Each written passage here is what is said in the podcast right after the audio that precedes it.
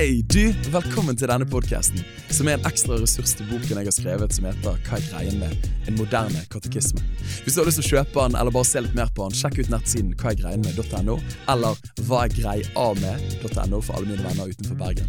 I boken så skriver jeg om tolv grunnleggende sannheter i den kristne tro, og prøver å gjøre det på en engasjerende og appliserende måte, både om du er kristen eller ennå ikke. Alt med det mål om å øke vår forståelse av troen, som styrker vårt fundament i livet og hjelper oss i formidlingen til andre. Min lidenskapelige overbevisning er at bibelsk Gud, som vi ble kjent med gjennom Jesus Kristus, er definisjonen av kjærlighet og sannhet. Hans vilje er dermed det beste for oss. Vi trenger derfor å lære troen. Så la oss komme i gang. Jeg tror det skal være en sann historie, det har helt sikkert skjedd eh, en eller annen gang. Men med den store utflukten fra Norge til, eller fra Europa til USA eh, på slutten av 1800-tallet og begynnelsen av 1900-tallet, så går det en historie om at det var en fattig familie som eh, sparte alt de hadde for å kjøpe en USA-billett. Og så kjøpte de den laveste klassen fordi de hadde lite penger, og de skulle begynne et nytt liv i det lovede land.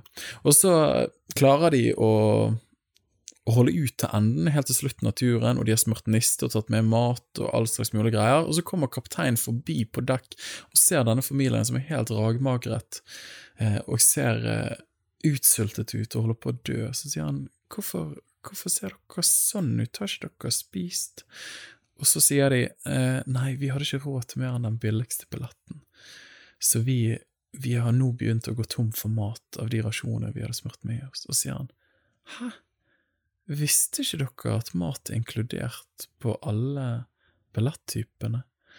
Og så er det den smertefulle opplevelsen av at oi, jeg kunne egentlig levd et mett liv og et godt liv, men på grunn av jeg ikke visste hva jeg hadde, så levde jeg fattig og sykt, på grunn av at jeg ja, gikk rett og slett glipp av den buffeen som allerede var min.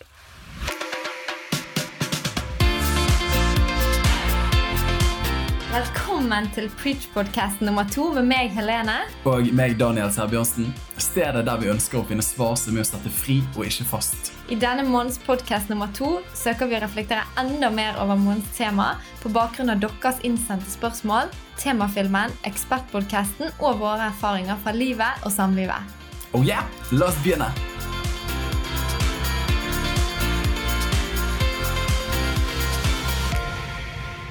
Oh yeah! Du, da er det podkast nummer to. Welcome! Har du det bra, Helene? Jeg har det fint. Du, så bra. Skal vi røpe litt hvordan, eh, hvordan Hva er annerledes med opptaket i kveld? Vanligvis så pleier vi å rigge oss til ned på kontoret. Litt trangt. Stoler rundt en kontorpult. Prøve å lage minst mulig lyd. Nå har vi rett og slett satt oss i sofaen. Oppe i stuen? Oppe i stuen. Det er kanskje for mye ekko. Beklager, Kjetil. Men, men uansett, jeg eh, lærte et tips en gang av Eller det var vel Reza fra Kristen Fellesskap Oslo. Eh, de har samme mikrofoner som oss. Det var de som tipset meg om disse mikrofonene når jeg begynte min podkastkarriere for noen år siden på ulike arenaer. Og så sa han at av og til så sitter jeg og Kjartan, hennes kollega, i hver vår stol og bare holder mikrofonen. Og hvis du har sett disse mikrofonene, så står de på en sånn holder som egentlig skal være på et bord.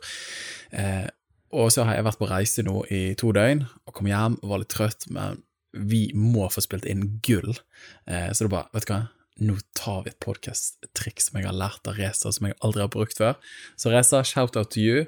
Eh, veldig glad i deg, savner deg. Takk for dette tipset, for det var veldig deilig å spille inn podkast sånn som dette. Ja, det Ja. Jeg tror jo det blir fint. Ja. Men Helene, du, hva er pulsen på livet for tiden?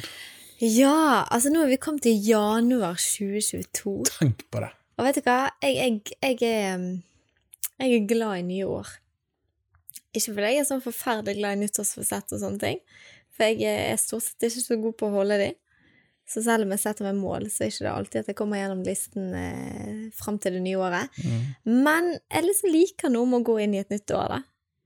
Og så har jeg et bibelvers. Nå skal jeg si det, faktisk. Come on, preach it, preach jeg har et bibelvers som jeg er glad i, og jeg sier det til kirken hver eneste gang vi går inn i et nytt år. Det er sant. I Salme 65 vers 12 så står det Du har krone, eller Gud har kronet året med sin godhet, og hans fotspor drypper av overflod. Oh, og jeg syns det er så fint. Så hver gang jeg går inn i et nytt år, så tenker jeg dette her året har Gud kronet med sin godhet. og hans fotspor drypper av overflod. Ja, det, gir Det meg, eh, ja, det gjør meg faktisk forventningsfull og glad innenfor et nytt år, da. Så det, det vi er i januar, folkens, og det er bra. Eh, det har vært en fin oppstart. Vi var faktisk på ledertur med, med, lederteamet i kirken, Mm. med én overnatting, og det var helt konge. Mm. Vi hadde liksom tenkt at åh, folk er i en sånn travel tid med småbarn og sånn, de har sikkert ikke tid, og så klarte alle å være der. Det Ja, var det helt var rått. konge. Det var Ja. Så det var en veldig god start på eh, året. Ellers så har du skrevet ned at du savner Haukedal.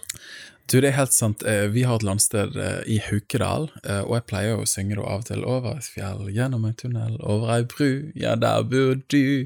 Håper du veit hvor heldig du er, du bor på Vestlandet.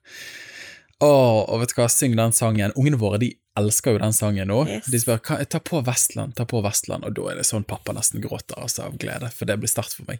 Men eh, mine aner og mine røtter fra mange århundrer tilbake er inni en dal i Sunnfjord, langt inne i noen fjell, eh, og vi har et gardsbruk der som eh, vi har tatt over der mamma vokste opp, og det er, det er kanskje ingen steder på denne kloden eh, jeg trives så godt som der, da. Så nå er det lenge siden. Det er litt som vinterstengt.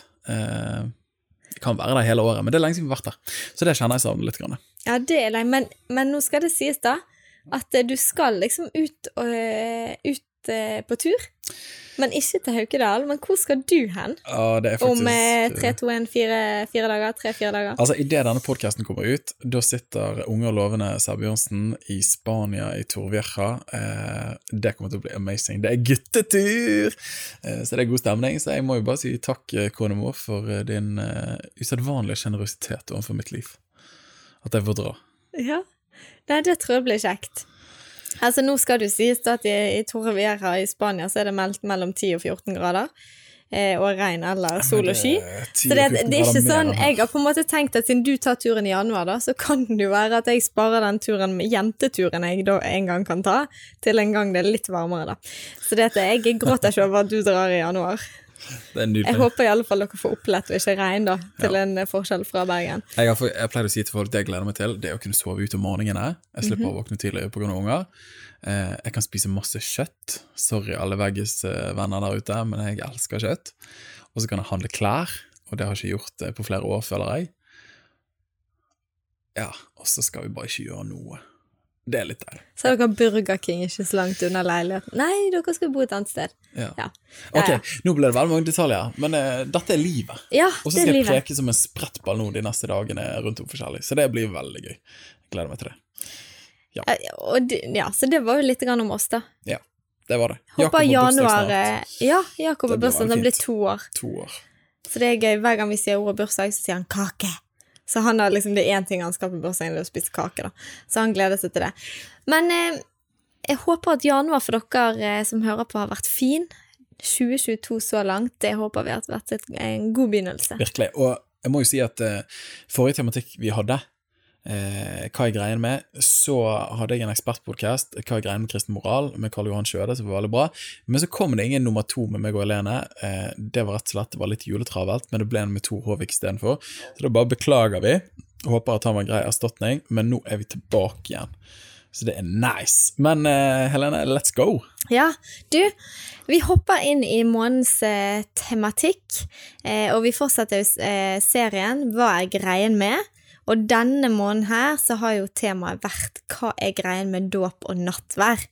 Eh, og serien handler eh, Altså serien i sin helhet, Hva jeg regner med? handler jo om å presentere de sentrale punktene i den klassisk kristne lære. For de som tror mye, eh, og for de som tror ikke så mye. Eh, og gjøre det på en forståelig måte, da. Så komprimert så er jo essensen i filmen Come on, preach. Åh, du liker jo denne her, Daniel. Vi kristne tror at Jesus har gitt kirken to sakrament. Ytre handlinger som peker på en åndelig virkelighet. I dåpen og nattværen. Dåpen er en bekjennelse, begravelse og begynnelse til det kristne livet, og nattværen er et minnesmåltid, styrkemåltid og framtidsmåltid. Gjennom tro og sakrament tar vi imot Guds nåde ved Jesus Kristus i våre liv. Amen. Så bra. Jeg skulle nesten tro at uh, noen av oss hadde formulert det.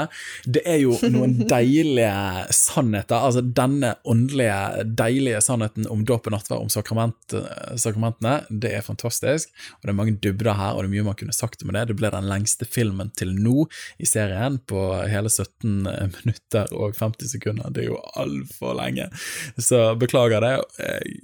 Tror nesten jeg kan garantere at ingen av de andre resterende filmene blir så lenge. Eh, men jeg hadde en podkast, hadde med min gode venn Dag Martin eh, Østevold, som er pastor, prest i Sentralkirken Metodistkirken her i Bergen. Eh, han er en god venn etter mange år, og en teologimentor for min del. Han delte mye gull og jeg tror jeg bare helt enkelt, jeg har bare lyst til å si gå og hør den podkasten, for det er en vis mann. Han snakker om hva sakrament er for noe, dåpens betydning og viktigheten av nattvær. Eh, og på bakgrunn av film og podkast, Helene, hva vil du si er kanskje det fremste som står ut for deg etter å ha hørt litt om sakramenter og dåp og nattvær? Altså, jeg kjenner meg litt sånn takknemlig. Tenk at Gud har gjort noen eh, Gitt oss noen ting som er sånn konkrete. Mm. Som vi kan få lov å ta del i eh, både dåp at det, vi kan få lov å se noe litt sånn synlig, at man gjør noe, eller Jeg tror vi trenger det, vi mennesker. Ja, vi, jeg tror vi gjør det. Og sikkert noe mer enn andre. Noen har jo kanskje lett for liksom å koble på en måte med det som man ikke ser. Ja. Og er, noen er jo sånn på en måte fantasifulle i sin tanke, hvis man kan si det sånn. Eh, og så har man noen, sikkert meg òg, som bare trenger litt sånn Ser du noe litt sånn konkret, noe mm. du kan ta og følge på, så er det litt sånn lettere å på en måte forstå det og connecte med det, da. Hun trenger noe håndpåtagelig, rett Det er jo et fint ord. Håndpåtagelig. Det er noe vi kan ta hånd på.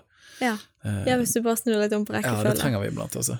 Og så sa han jo eh, Han sa jo òg 'hellige handlinger'. Mm. Og det syns jeg òg bare var sånn det var et fint ord. Ja, det var på en måte det. Og så sikkert litt sånn skadet. Du elsker jo ord som på en måte liksom begynner på samme bokstav eller setninger. Sånn, ut hellige, hellige handlinger. handlinger. Ja, så det bare Ja. Ah, nydelig. Du, vi, du da? Eh, ja, for min del eh, Vet du hva, jeg, sånn er det med mange ting, men i møte med sakramentene, dåp og nattvær, og hovedsakramentet er jo evangeliet sjøl, og sier jo det i filmen. Eh, Augustin og Martin Luther kaller jo dåp og nattvær egentlig bare for synlige ord. Eh, og det er jo et litt sånn merkelig måte å si det på, men evangeliet blir håndpåtagelig, det blir synlig, det blir konkret for oss gjennom dåpen og nattverden. For det er evangeliet som er de gode nyhetene til hver tid, men ved dåpen så ikler vi oss evangeliet, og ved nattverden så spiser vi evangeliet, som er de gode nyhetene om Guds kjærlighet til oss, og at vi er tilgitt, at vi har blitt gjort rettferdige, at vi er nå blitt forenet med Gud og skal en dag tilbringe evigheten sammen med Han. Eh, og eh, et bilde Jeg husker jeg hørte en historie for flere år siden. Eh, og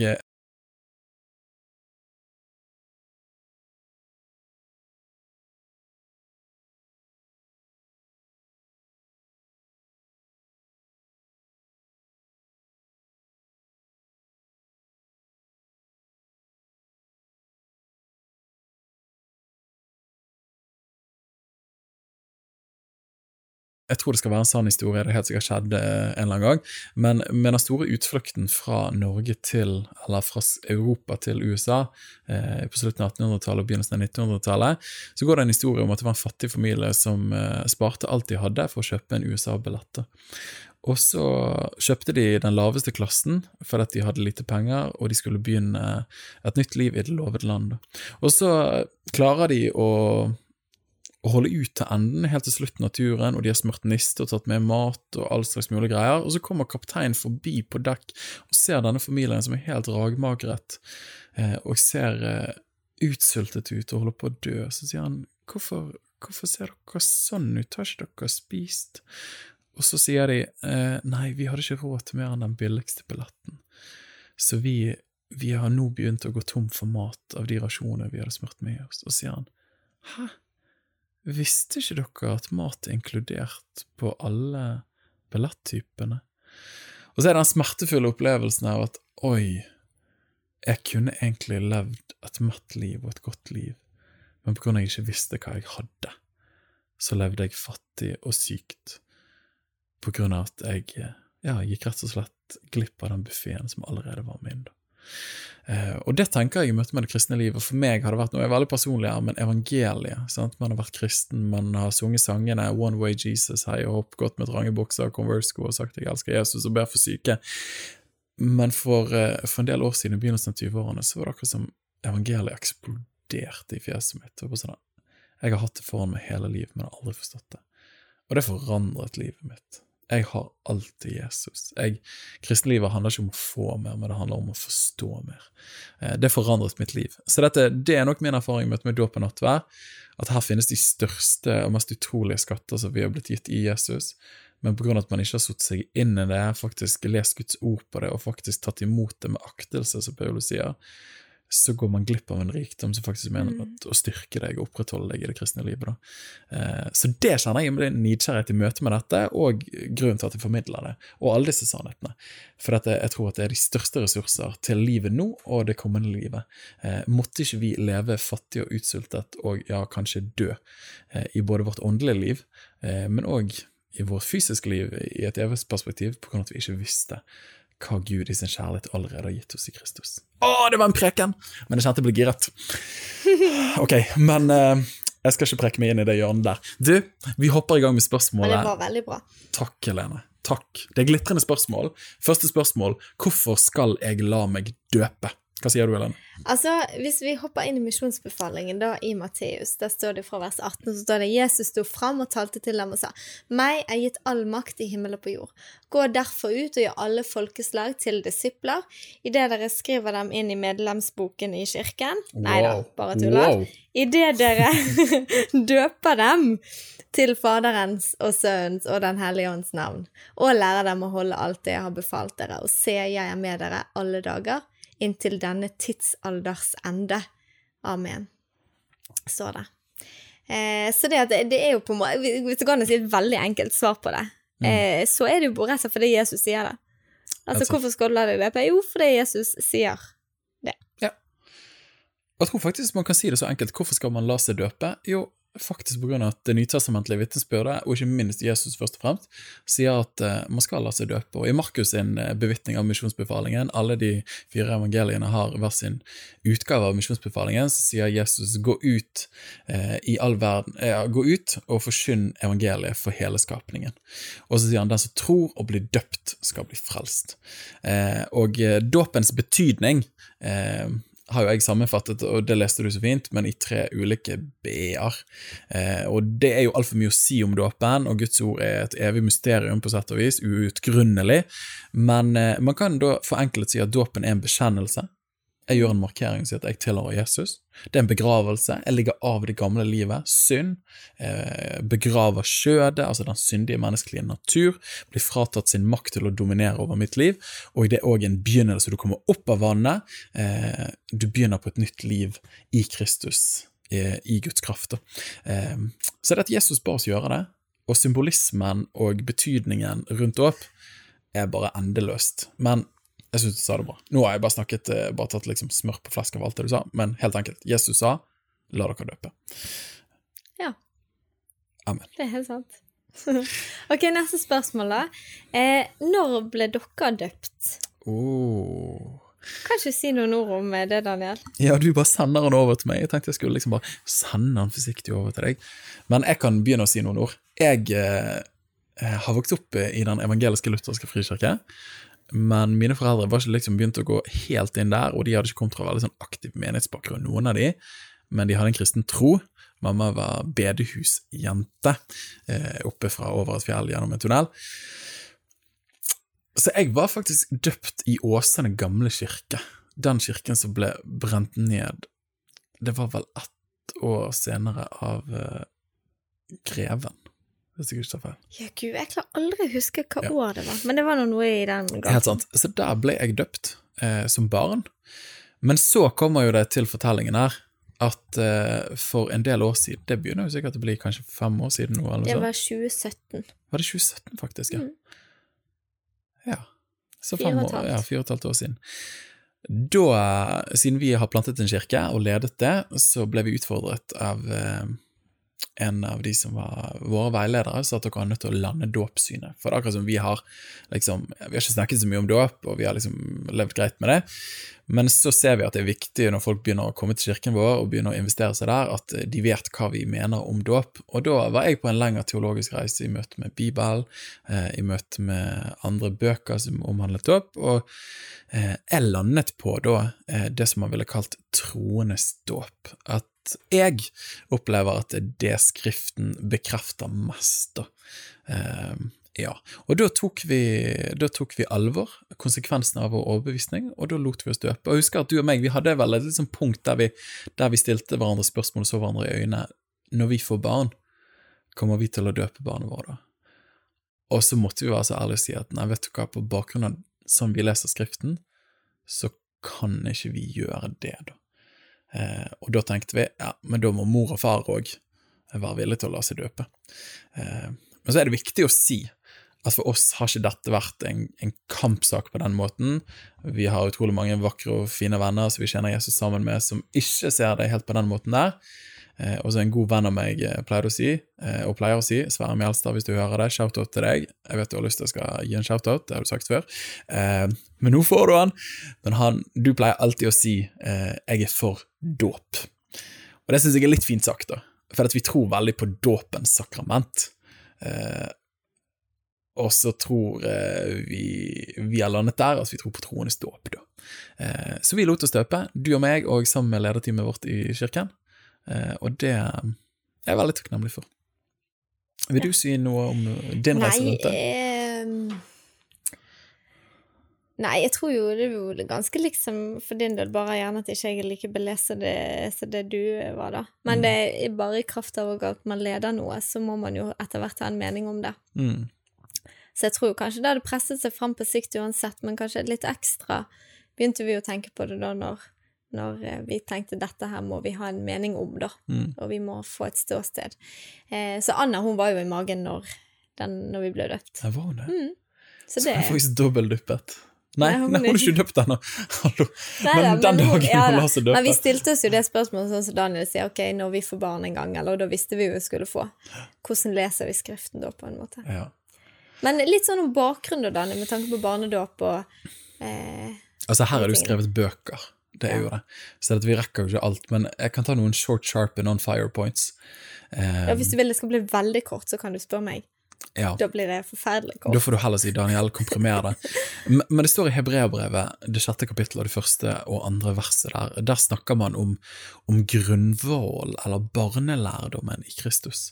Og Det syns jeg er litt fint. Forfatteren av Hebreabrevet, som jeg tror egentlig Paulus, sier det sånn i første verset, idet vi nå lar det mer grunnleggende, den mer grunnleggende læren om Kristus ligge, altså dette er basic, skal vi gå videre til det fullkomne og ikke igjen legge grunnvoll, og da viser han tilbake til den grunnleggende læren om Kristus. Og hva er denne grunnvollen? Jo, det er omvendelse fra døde gjerninger og så tro på Gud. Vi snakket om det, hva greia med å bli frelst? Jo, måten du blir frelst på i liksom et nøtteskall, det er å omvende seg, og så er det tro, så det sier han her. Omvendelse fra døde gjerninger og tro på Gud, med lære om dåp, om håndspåleggelse. Så det at først omvender du deg, så tror du på Gud, og da er det naturlig følgen at du lar deg døpe, som markerer bekjenner, begraver og en begynnelse i det kristne livet. Håndspåleggelse, sier han, jeg tror det handler om, eh, også som det eh, kristne tradisjon, at da ble du lagt hendene på for at du skulle motta åndens gave, og liv skulle bli forløst i deg. Det er faktisk derfor vi feirer konfirmasjon, som betyr konfirmatio fra latin, og handler om bekreftelse men pga. at man begynte å døpe barn, så kunne ikke man ha konfirmasjon, konfirmatio rett etterpå, derfor utsatte man konfirmasjonen til litt seinere, og da ble det en bekreftelse på at man trodde, mer enn at man ble lagt hendene på for at man skulle få åndens gave. Om de dødes oppstandelse og om evig dom. Så det at jeg synes at uh, den nytestamentlige praksis skal man være litt forsiktig, men det, det virker som at den naturlige kristne fødsel er at man vender seg om fra synd, man tror på Gud, man lar seg døpe, og man mottar åndens gave og liv, eh, som jeg tror alle får ved sin omvendelse, men som trenger å bli forløst i våre liv. Da. Eh, og da ble spørsmålet for meg kan barn omvende seg og tro. Eh, jeg tror barn kan uttrykke tillit, men jeg tror òg at en, en, bibelsk forståelse av tro er òg en, en intelligent form for tro, ikke i den forstand at du trenger å være med i Mensaklubben, men du velger å tro på bakgrunn av at du har forstått noe. Eh, at du gir ditt samtykke i evangeliets budskap. Eh, det tror jeg ikke et barn kan gjøre ennå, og jeg tror at barna er eh, på sett og vis under sin mor og far, og eh, har en uskyldighetsalder, på en måte. De er uskyldige, for de er under på sett og vis en ansvarlighetsalder, i den forstand at at de har ikke kunnet ta stilling til evangeliets budskap ennå. Eh, så for meg så ble det jeg tenker, ok, Hvis du blir født på ny ved å bli omvendelse og tro, og så bli døpt, eh, så må man kunne omvende seg og tro. da. Eh, barndåp var først en praksis fra etter århundre. Det kom ganske tidlig, men man snakker eh, liksom ca. 100 år etter Jesu himmelfart. Eh, Ok, så det var ikke noe naturlig for de første apostlene og generasjonen rett etterpå. Para, Ofte man, tenker man på barndåp som en parallell til omskjæring i Det gamle testamentet som jødene gjør på den syvende dag. Um, man finner ingen sammenheng eller noe som linker dåpen med den fysiske omskjærelsen da, i Det nye testamentet. Så det er nok en litt sånn konstruert teologi som er fin, og skjønner logikken bak det, men du finner ikke skriftsteder som bekrefter det. Eh, og David Pawston, som har skrevet en bok The Normal Christian Birth, som jeg anbefaler på det sterkeste, og var viktig for meg, han går gjennom alle tekstavsnittene i Det nye testamentet som omhandler dåp, og så knekker han det opp og gjør en eksegese. Veldig, veldig nyttig. Eh, han sier det sånn som dette, at barnedåpsteologien er veldig vakker. Eh, og det er jeg helt enig med, men så sa han det eneste problemet er at han ikke er bibelsk. Det er jo litt flåsete sagt, men jeg mener at det er ikke, det er veldig, det er ikke en så sterk begrunnelse for barnedåp. Det er mer en konstruert teologi rundt, som jeg skjønner hvordan man lander på det, men du må samtidig tolke noen vers ut ifra bort ifra den konteksten de faktisk står i. da. Alle mine barnedøpere der ute, jeg er veldig glad i dere. Eh, og så mener jeg òg at statskirken sin praksis her i Norge og gjennom de nasjonale kirkene i Europa har vært med å forringe dåpens innhold i aller høyeste grad i flere århundrer. Og da har man gjerne en tanke om at om så ikke mor og far tror, så lenge barnet blir døpt, så er det kristent. Og det har vært en sånn ting når vi går rundt og evangeliserer gjennom årene, så kommer man til folk og sier du, har du en tro på Gud, tror du på Jesus, er du en kristen? Så sier de jeg er døpt og konfirmert. Og så lever de på en måte som er langt ifra evangeliet verdig. Eh, og da har man lært folk den forståelsen at det er frelse i dåpen, uavhengig om du tror eller ikke. Eh, og det, jeg mener at det er helt fremmed for Bibels vitnesbyrd å lære. Og da har man en, en blind sakramenttro, i den forstand at vannet er magisk, om mor og far ikke tror, om presten ikke så tror, men bare av at man utfører en religiøs handling, så skjer det noe av seg sjøl. Det tror jeg ikke har hjemmel i Skriften i det hele tatt, og er ytterst er faktisk ubibelske lærere. Så jeg har mye mer forståelse med de som har mor og far som tror og følger Kristus, og velger å døpe barnet. Eh, der kjenner jeg nok mer ok, har du fred i det? Eh, jeg ser nok litt annerledes på det, men Gud velsigne deg. Det viktigste er at vi lever et disippelliv i etterfølgelsen av Kristus. da. Var, dette var mye, men eh, jeg er for dåp, og jeg tror at bibelske dåp bygger på omvendelse og tro. Men det viktigste er at man lever som en etterfølger av Jesus. Ja. Holdt du på å sovne nå? Nei, nei. Nei, det holdt jeg ikke på. Okay. Jeg bare lyttet intenst. Så bra. Så bra. Kjenner deg, Helene. Nei da. yes. Du, spørsmål nummer tre. Eh, må man ha brød og vin? Nå, nå gjør vi et girskifte til nattverden, men må du ha brød og vin når du feirer nattverd? Altså, det er jo et godt spørsmål, for man har jo vært med på litt forskjellig. Mm. Så det å stille seg det spørsmålet er jo for så vidt fint. Men de, her tenker ulike konfesjoner eh, forskjellig. Eh, og det har i kirkens tradisjon alltid vært vanlig å bruke alkoholholdig vin frem til slutten av 1800-tallet. Eh, men noen gode argumenter for å, at man ikke trenger å gjøre det, er jo gjerne folk som har slitt med alkoholisme, da. Det skjønner jeg godt. Altså, altså, man sier jo at folk som har vært avhengig av alkohol, får de bare smake litt, så kan de rykke helt tilbake til start. Ja det er veldig kjipt hvis liksom nattverden, som er en god ting, leder folk tilbake i fortvilelse. Ja da, og ja, konsekvensene gjerne for mange flere rundt i tillegg. Det er ikke sant. Så ja. Eh, men motargumentet igjen vil jo være at Jesus faktisk brukte vin, da. Mm. Og man bør prøve å være nærmest mulig det Jesus faktisk gjorde, vil veldig mange tenke. Yes. Mm. Absolutt. Men så kommer det noe til uh, usyret brød, Daniel. Vil ikke du ta uh, her har du dukket litt inn i hele mm, baksten. Baksten inn i hele baksten. Du, det er litt funny, det der med usyret brød, for jeg har bare hørt uh, at det har vært snakket om det. Uh, at man trenger usyret brød når man feirer, eller noe sånt. Uh, det har jeg aldri hørt. Nei, du har ikke det? Nei. men jeg jeg har hørt det. Jeg har hørt mye rart. Eh, og dette leder jo til spørsmålet må man ha usyret brød, siden Jesus benyttet det. For under den jødiske påskefeiringen så brukte man usyret brød. Og husker den ene gangen jeg var i Israel, så var det under påsketiden, og vi bodde på et hotell. Og da var jo det bare flatbrød, liksom. Altså, det var en down, altså. Det var jo ikke skikkelig brød. Eh, så I've been there, I've experienced it. Eh, men du, de beskrivelsene vi faktisk har fra Oldkirken, de få beskrivelsene av hva brød de brukte, så er det mye som tyder på at de brukte vanlig gjæret brød. Men det utviklet seg etter hvert et skille mellom Østkirken og Vestkirken, altså den ortodokse kirke i, i øst, som brukte gjæret brød, mens den katolske kirke i vest brukte usyret brød, som fortsatt er til denne dag. Da. Og En mulig forklaring for at katolikkene fortsatte med den jødiske tradisjonen med usyret brød, eh, har vært siden gjæret brød smuldra lettere, faktisk, og da, siden brødet symboliserte Kristi kropp, og mer enn symboliserte, men faktisk var Kristi kropp, hvis du har en katolsk transsubstansiasjonslære, der fikk du det ordet gratis, så var det kjipt at brød smuldret, og da Kristi kropp, og derfor var det bedre å ha usyret brød.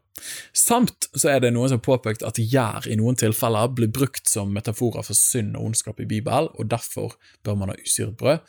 Altså er det òg å påpeke at jær blir også brukt som et bilde på Guds rike i Matteus 13 i lignelsen om Guds rike, eh, som noe positivt. Så det mener jeg er et veldig dårlig argument. Eh, men så er jo spørsmålet, det, når man ikke har brød og vin ja, Bare for å konkludere der, jeg mener at man står fri til å bruke både flatbrød og eh, vanlig brød til eh, nattverd. Så det trenger ikke å være usyrede oblater med et bilde av Jesus der det står 'innri' på, så du får gjerne i noen kirker. Eh, det er mer liturgisk tradisjon enn god teologi. Eh, når det er sagt. Men jeg har vært på hyttetur, du har vært på hyttetur, vi har vært steder der vi har lovsang, der vi har bønn, og så bare tenker vi 'Å, herlighet, å, flott det er nattverd nå'. Og så ser man rundt seg, og man har ikke nattverdelementene sånn som vi er vant til å ha de. Hva gjør man da, Helene? Da eh, tenker man eh, Oi. Da tenker man at eh, At det sentrale er jo ja. innstiftelsesordene yes, og hva de representerer. At her må jeg rett og slett lære Helene opp i den kristne lære. ja. Gjør det. Gjør det. Men det, det sentrale er innstiftelsesordene og hva de representerer, og at vi tar del i det ved tro. Også elementene av brød og vin vil jo aldri være identisk med det Jesus hadde. Sant? Vi vil aldri kunne ha akkurat det brødet han hadde, og akkurat den type vin han hadde. Og det tror jeg ikke er målet, men jeg tror, målet er jo fellesskap med Jesus, ikke sant? Paulus sier eh, samfunn med Kristus. Det er jo det som er målet. Men du må komme med et lite formaningsord på slutten. Eh, ja, vi, altså hvis du da står mellom å velge chips eller polarbrød som er nattverdsbrødet ditt, så tenker jeg da kan vi jo eh, støtte oss på Nytestamentets eksempel og kirketradisjon, og velge eh, polarbrød, som eh, ligner litt mer enn chipsen. Og det er altså nok en gang det er ikke nødt til å være liksom, noen faste elementer. Eh, de er ikke nødt til å være brød og, og vin. Men eh, la oss for all del, hvis vi har det nærliggende, benytte noe som ligner mye, da. Eh, så er det siste spørsmål. Hvor ofte, Helene, skal man feire nattverd? Ja, det er jo et godt spørsmål. Um, og det rette svaret er jo 36 ganger i året. Såpass, ja. Nei da. Eh, Bibelen sier jo ingen eh, eksakte tall på det. Eh, men han sier jo, hvis man leser nedover eh, i 1. Korinterne 11, der er jo det en gjengivelse av det Jesus har sagt i evangeliene eller eh, før han døde. Så der står det 'gjør dette så ofte som dere drikker det', eh, til minne om meg, blant annet. Og så står det 'for så ofte som dere eter dette brødet og drikker dette begeret, forkynner dere Herrens død inntil han kommer'. Så da står det jo og eh, Så da står det jo noe om at 'gjør det så ofte som dere drikker det', sant? Mm. Og så står det òg eh, 'først av alt' når dere kommer sammen som menighet. Eh, så det at Ja, altså Når de kommer sammen, så virker det som da er det naturlig for menigheten at de feirer nattverd sammen. Eh, og det kan virke som at de faktisk feiret hver gang menigheten var samlet. Mm. Eh, Og noen kirker er flinke til dette. Eh, og noen er kanskje ikke vært så flinke til å gjøre det. Helt sant. Og vi er jo på en måte litt der eh, i, i Passion Åsane, som vi eh, Kirken som vi går i, en del av. Så har vi jo kanskje tenkt fra tid til annen Oi, vi har lyst til å ta dette mer og mer inn i gudstjenestene Mm. våre. For vi har kanskje egentlig hatt for lite fokus på det, da. Helt sant. Og vi tror jo at det er en gave. Det er en gave til, til fellesskapet, og, og Guds ord snakker om det. Det er et minnesmåltid. Eh, og et styrkemåltid. Eh, og noe vi skal få lov å gjøre sammen. Mm. Og så er det vel Men kan vi ta nattverd aleine? Kan man det? Du, altså, det tror jeg du vet svaret på like godt som meg, for at du er den største eh, eksponenten eh, for nattvær her hjemme. Så du kan jo dele litt om din reise der, for vi har jo hatt en nattværsfeiringskurve her i huset vårt som har vært eksponentiell de siste årene. Eh, Og hva er årsaken til det? For det er ikke jeg som har pushet fram. Altså, jeg har ikke tenkt sånn altfor mye på hvorfor, men jeg tror, når jeg tenker på det, så jeg lurer på om jeg hørte en historie en gang om et ektepar, da, og så lurer jeg på om han var syk, og da sa hun konen da at hun tok nattvær hver dag. Mm. Fordi at hun bare sa dette her, det bare minner meg om hva Jesus har gjort for, for oss, eh, og det er et styrkemåltid. Så hun bare liksom gjorde det hver eneste dag, da.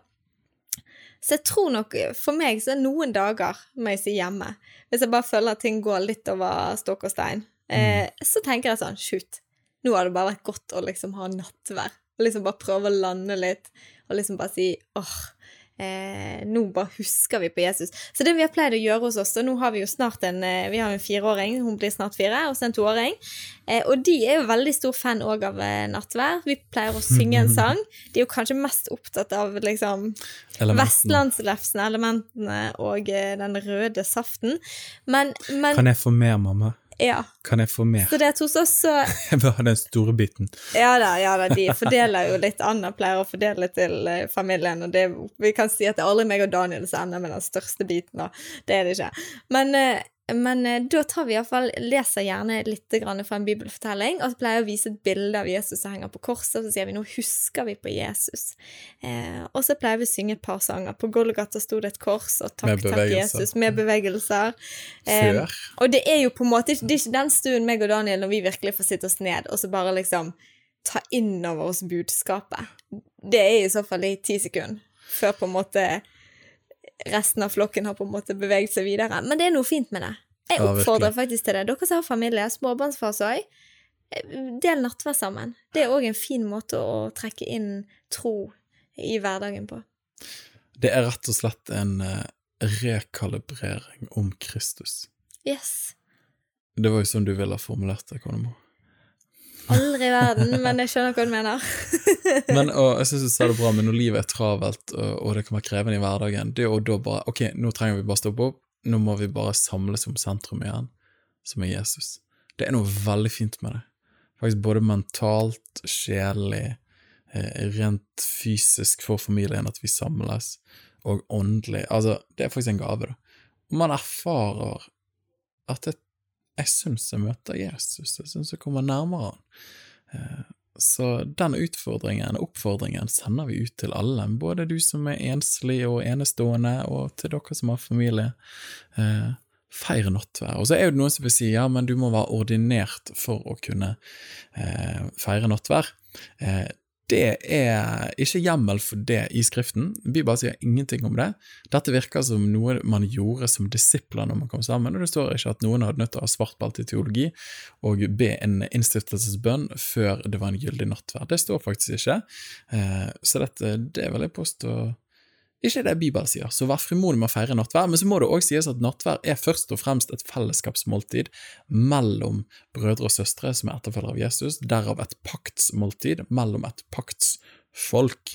Så dette, vi må ikke bare individualisere det, selv om jeg tror det er veldig bra å feire det for egen del, eh, men la oss for all del feire det sammen som brødre og søstre i etterfølgelsen av Jesus Kristus. da. All right, du, dette var mye. Dette var bra. Dette har vært gøy. Og eh, hvis jeg skal oppsummere og veilede videre, så vil jeg si fordyp deg i de bibelske sannhetene om dåp og nattverd, for her finnes det store rikdommer. Bli døpt og ta nattvær. Oh yeah. Du, så tusen takk for alle de innsendte spørsmålene, og at du lytter til oss. Det er et privilegium, det er en ære. Vi sier takk. Og takk for at du er med på denne reisen her med oss i Preach, der vi søker å finne svar som er med å sette fri, og ikke fast. En episode er over. Jeg håper du fikk mye ut av den. Hvis du er giret på enda mer, sjekk ut boken på hvaegreienmed.no og andre ressurser som finnes der. Og til slutt har jeg lyst til å dele bibelverset som har vært min drivende motivasjon bak det hele prosjektet, som er Paulus sine ord til Timoteus. Gi nøye akt på deg sjøl og på læren. Fortsett med det, for når du gjør det, skal du frelse både deg sjøl og de som hører deg.